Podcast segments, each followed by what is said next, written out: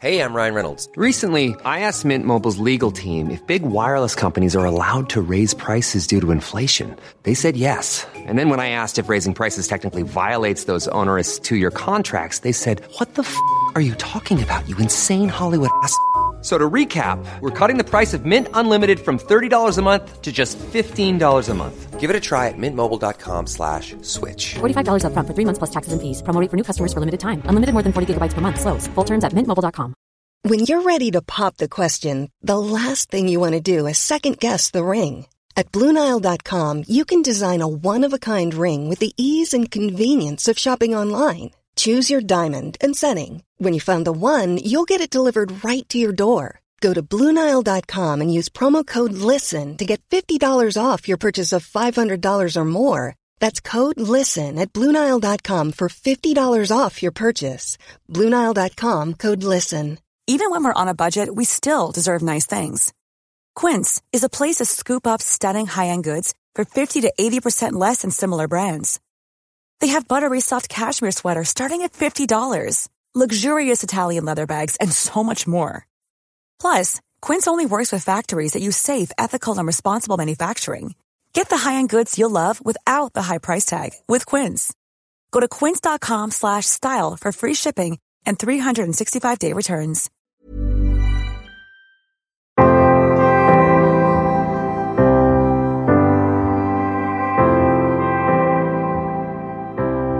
Hej och välkomna till Bröllopstankar. En podcast för dig som går i bröllopstankar, som ska gifta dig eller som bara älskar bröllop i stort.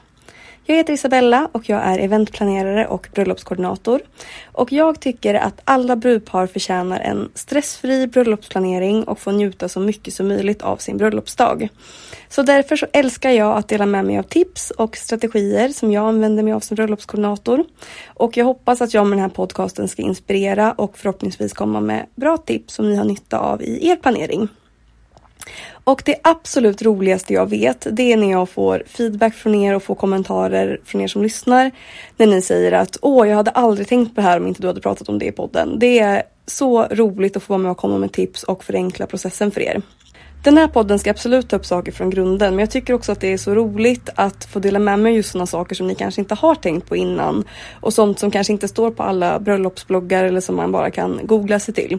Det är i alla fall min förhoppning eh, och även om vi såklart också täcker grunderna från start i den här podden så vill jag ändå få dela med mig av sådana där små förändringar som man kan göra för att ja, men gästerna ska få ännu bättre upplevelse av bröllopet.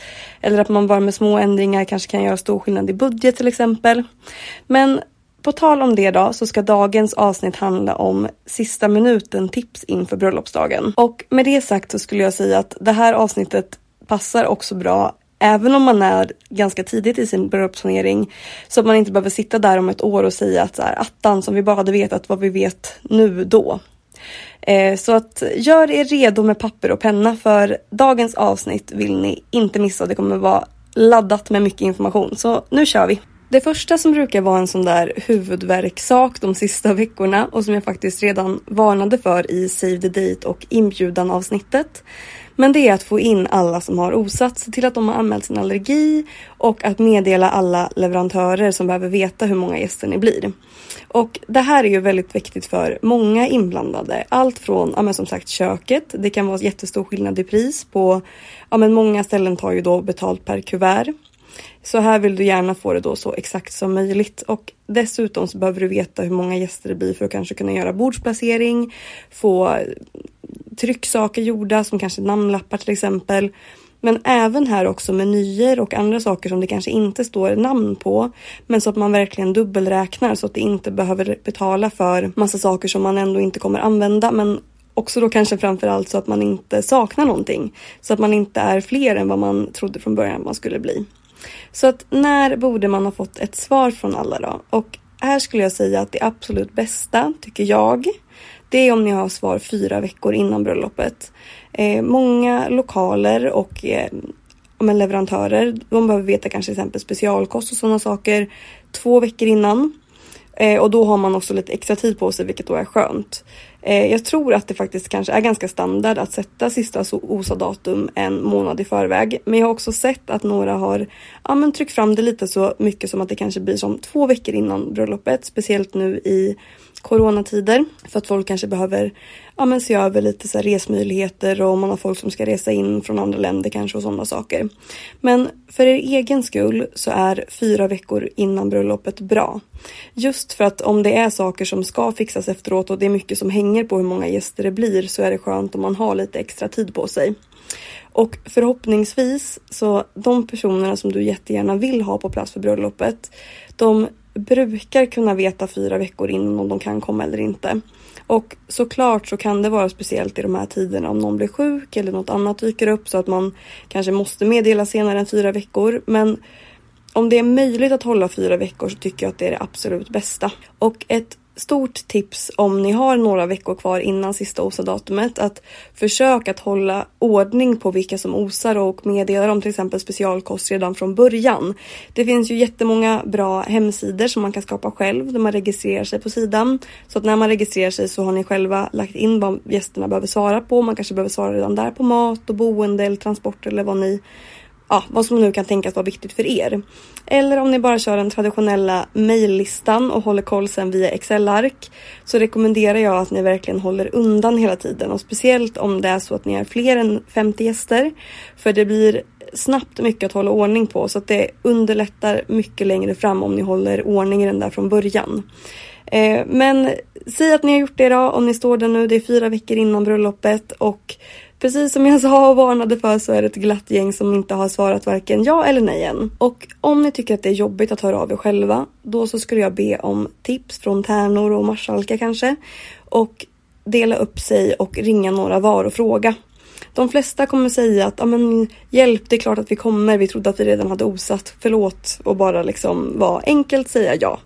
Sen så finns det kanske de som svarar lite mer airy flary och säger att de inte riktigt vet än. Att det beror på det här och det här och vi kommer inte veta förrän den här dagen. Kan vi säga till då? Och här kanske man får kolla lite på fall till fall om det är någon som är jättenära till er. Men förhoppningsvis så är det inte det eh, om man inte vet förrän någon vecka innan bröllopet om de kan komma eller inte. Så då så skulle jag bara på ett jättesnällt sätt säga att Tyvärr så har vi redan gått över sista OSA-datumet och vi behöver veta absolut senast om si och så många dagar för att kunna lägga matbeställningen och förklara vad ni mer liksom väntar in. Och om ni inte vet då så kommer vi tyvärr behöva planera utan de som inte har osat. Och förhoppningsvis då så förstår de och speciellt om man förklarar varför man behöver veta om de kommer eller inte. Och om man förklarar att det är många fler som man också väntar svar på som man behöver sitta en sista dag för att kunna planera. Jag tycker att det är rimligt och något som de flesta förstår. Eh, som sagt så klart att det finns undantag om personer som ni vill vänta in och se om det är någon som liksom är ja, men jätteviktig för er. Men det viktiga här är att det borde vara just undantag. Det borde inte vara regeln. Så att var ändå så hård som det går att vara på den här punkten just för att bespara er själva från onödig så här, sista minuten stress. Nummer två som kan vara en sån där stor grej innan veckorna innan bröllopet det är klänningen och kläderna. Och här handlar det om sista ja, men, fitting på både klänning och smoking eller kostym eller vad man nu väljer att ha. Ehm, och jag vet att om man styr upp sin klänning eller om man köper den från butik så har alla lite olika tidsspann på när de tycker att man ska hämta upp sin klänning eller kostym. Men jag skulle säga att två veckor innan är ganska bra tidsspann för att hämta upp sina kläder eller att ha en sista fitting. Eh, för då har man också en liten stund på sig att göra några sista så här touch-ups om det behövs. Så att något som också jag får mycket frågor om och som många brudar undrar över, det är hur får jag hem min klänning? Den kommer inte få plats i vår bil. Och det här tycker jag är en mycket bra fråga och jag fattar att om man har lagt jättemycket pengar på sin bröllopsklänning eller ja men oavsett egentligen så klänningen är såklart jätteviktig för bröllopsdagen och man vill att den ska komma fram i sitt absolut bästa skick. Så att om du har tillgång till en stor bil så är det absolut bästa att du bara fäller ner baksätet så att klänningen kan ligga helt utsträckt när du kör hem.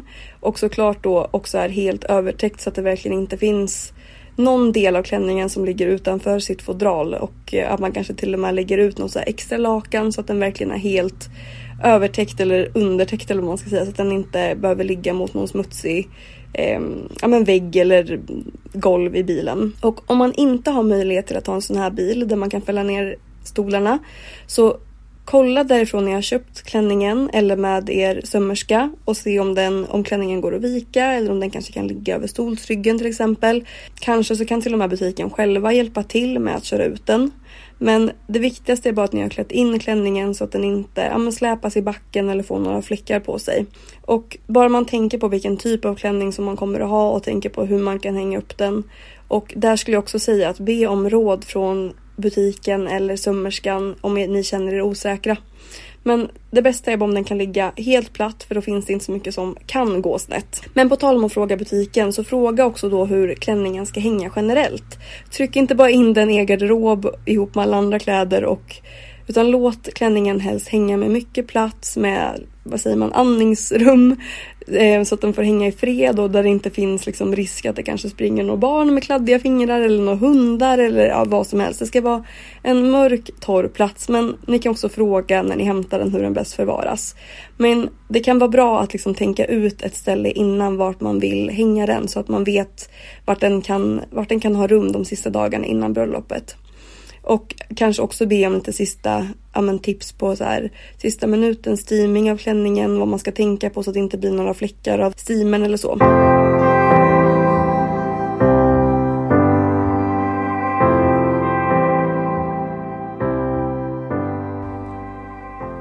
Sen så är det ju då såklart några saker som man behöver ta tag i de sista veckorna.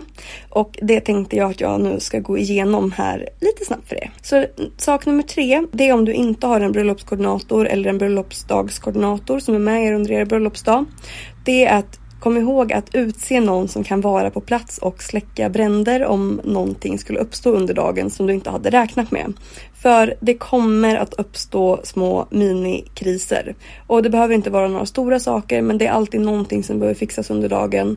Och då är det skönt om du vet vem som är ansvarig över det här. Man vill inte att bruden ska behöva vara den här personen som alla kommer springandes till eh, under bröllopsdagen med liksom en miljon frågor på saker om det är någonting som går fel. För det kan lätt kännas väldigt överväldigande. Så att utse en krisperson innan.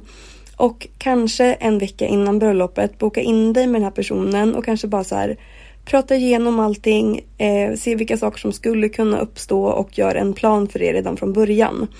Det här gjorde jag jättemycket i början av min eventkarriär. Att innan varje event så skrev jag en lång lista på allt som kunde gå fel. Och sen så satt jag och kom på en lösning på varenda liten detalj. Nu i efterhand så inser jag att det här var lite galet och jag gör inte så längre. Dels för att jag inte är lika orolig för att saker och ting ska gå fel som jag var precis i början. För att då hade jag kanske inte jobbat upp en strategi på samma sätt som nu. Men också för att jag har övat min hjärna på det här så mycket nu. Så att kommer det upp en minikris så är jag snabb på att hitta en lösning. Men där i början så hjälpte det här tricket jättemycket bara för att också lugna mig själv att veta så här, men om det händer då vet jag att jag gör så här. Om det händer då vet jag att jag gör så här.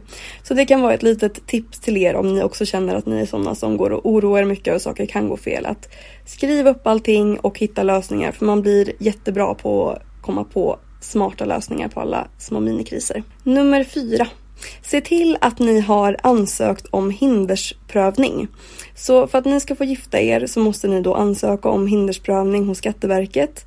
Och när ni får hem det här så är det giltigt i fyra månader.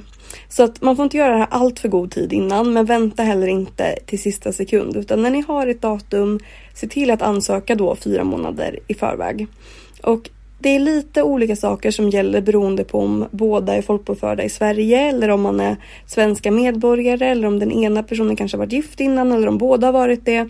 Men jag tänker att jag ska länka här nere i mina show notes som det så fint kallas Eh, jag vet inte vad det heter på svenska, jag, men här nere i anteckningarna.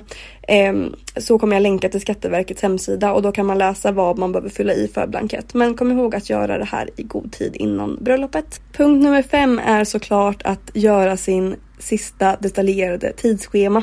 Och det här finns det ju ett helt avsnitt om ifall man skulle vilja grotta ner sig ännu mer i tidsschema.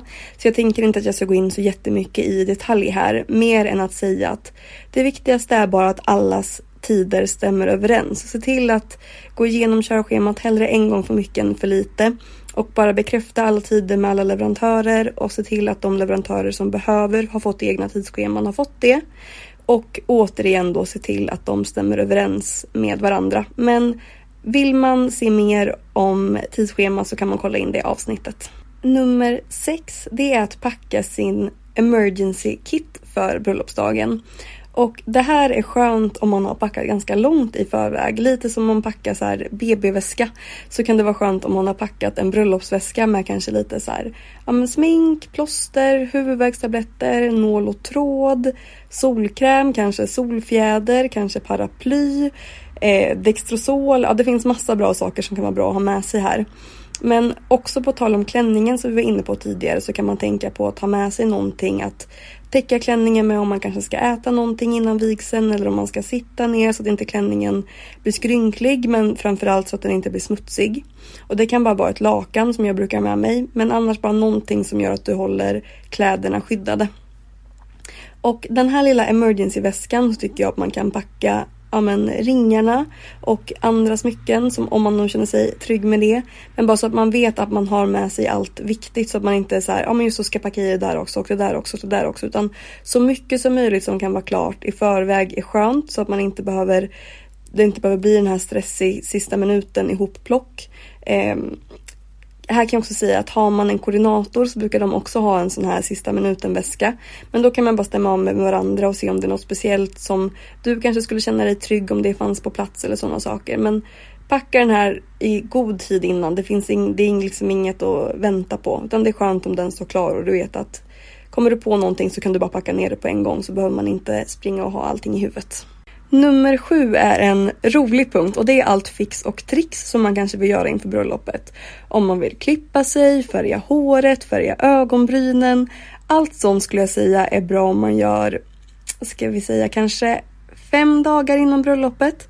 Och viktigt här nu då, det är att det här är inte stunden i livet det då när ni vill testa någonting nytt. Ingen ny hårfärg, inte testa klippa lugg, inte göra ögonbrynen, inte vaxa er första gången om ni inte vet hur er kropp kommer reagera.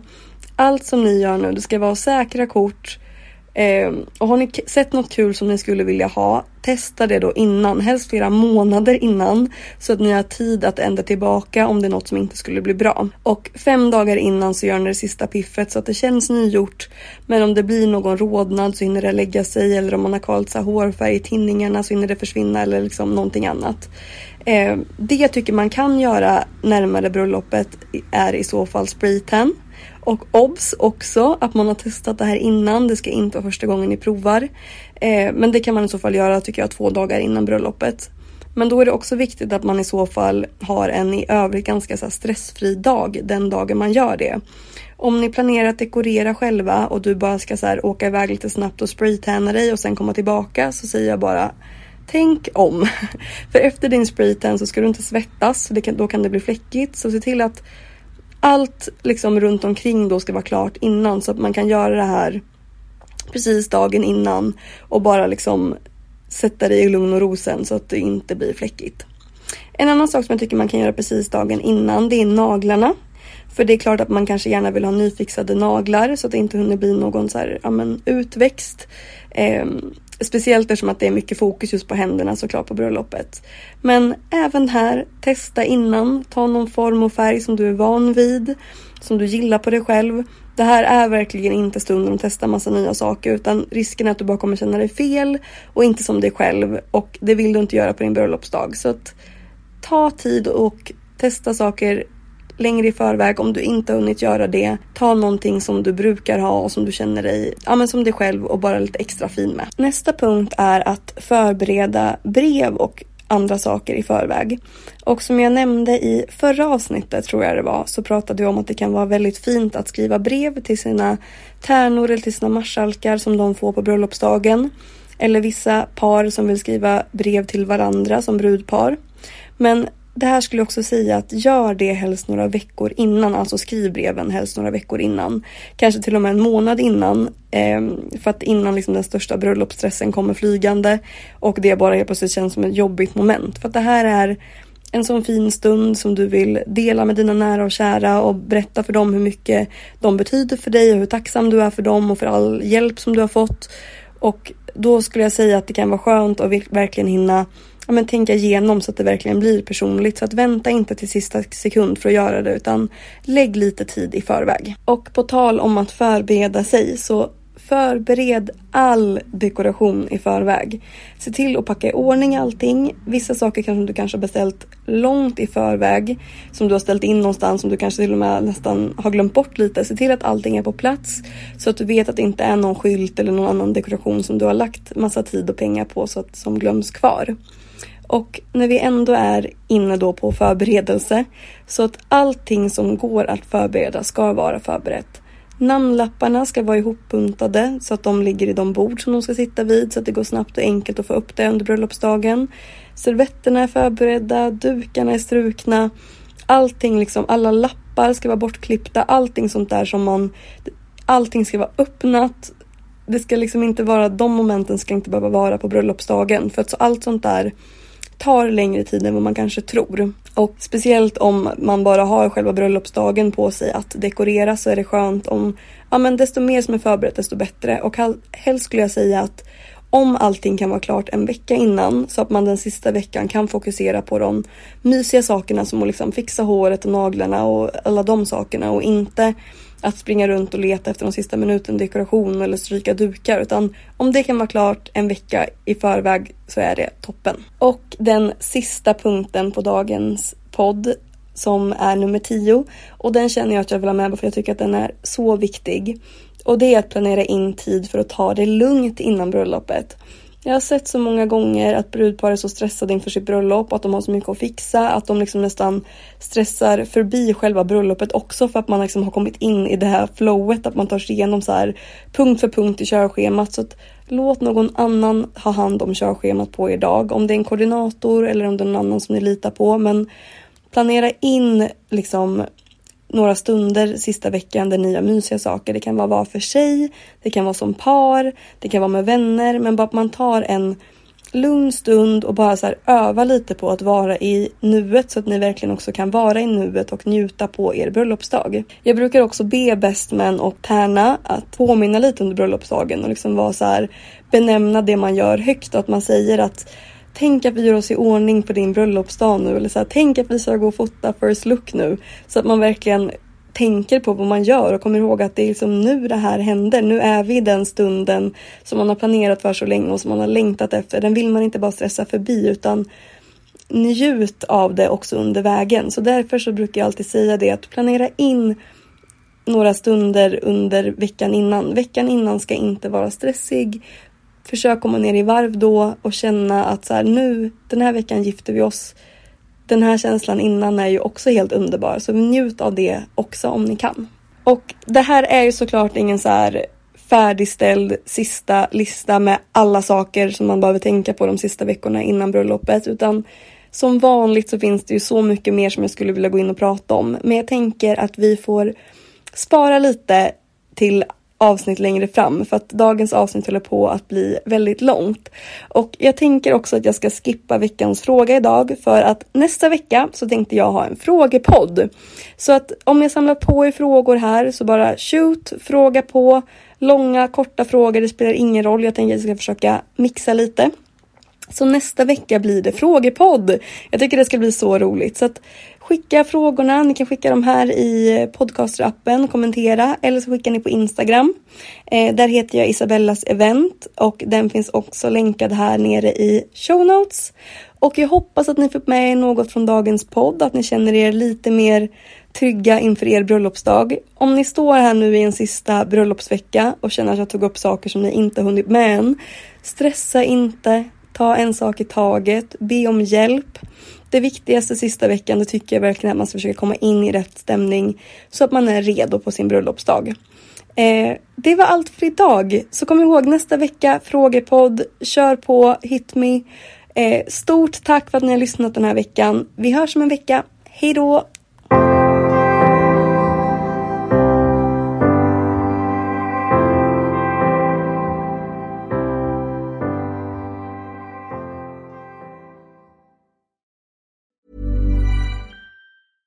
Hey, it's Paige DeSorbo from Giggly Squad. High quality fashion without the price tag. Say hello to Quince.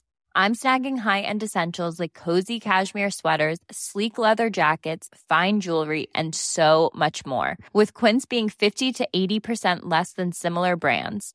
And they partner with factories that prioritize safe, ethical, and responsible manufacturing. I love that. Luxury quality within reach. Go to quince.com slash style to get free shipping and 365 day returns on your next order. Quince.com slash style. Hi, I'm Daniel, founder of Pretty Litter. Did you know cats tend to hide symptoms of sickness and pain? I learned this the hard way after losing my cat, Gingy. So I created Pretty Litter, a health monitoring litter that helps detect early signs of illness by changing colors, saving you money and potentially your cat's life. Pretty Litter is veterinarian developed, and it's the easiest way to keep tabs on your fur baby's health right at home. Go to prettylitter.com and use code ACAST for 20% off your first order and a free cat toy. Terms and conditions apply. See site for details. Imagine the softest sheets you've ever felt. Now imagine them getting even softer over time. That's what you'll feel with Bowl and Branch's organic cotton sheets. In a recent customer survey, 96% replied that Bowl and Branch sheets get softer with every wash. Start getting your best night's sleep in these sheets that get softer and softer for years to come. Try their sheets with a 30-night guarantee. Plus, get 15% off your first order at bowlandbranch.com. Code BUTTERY. Exclusions apply. See site for details.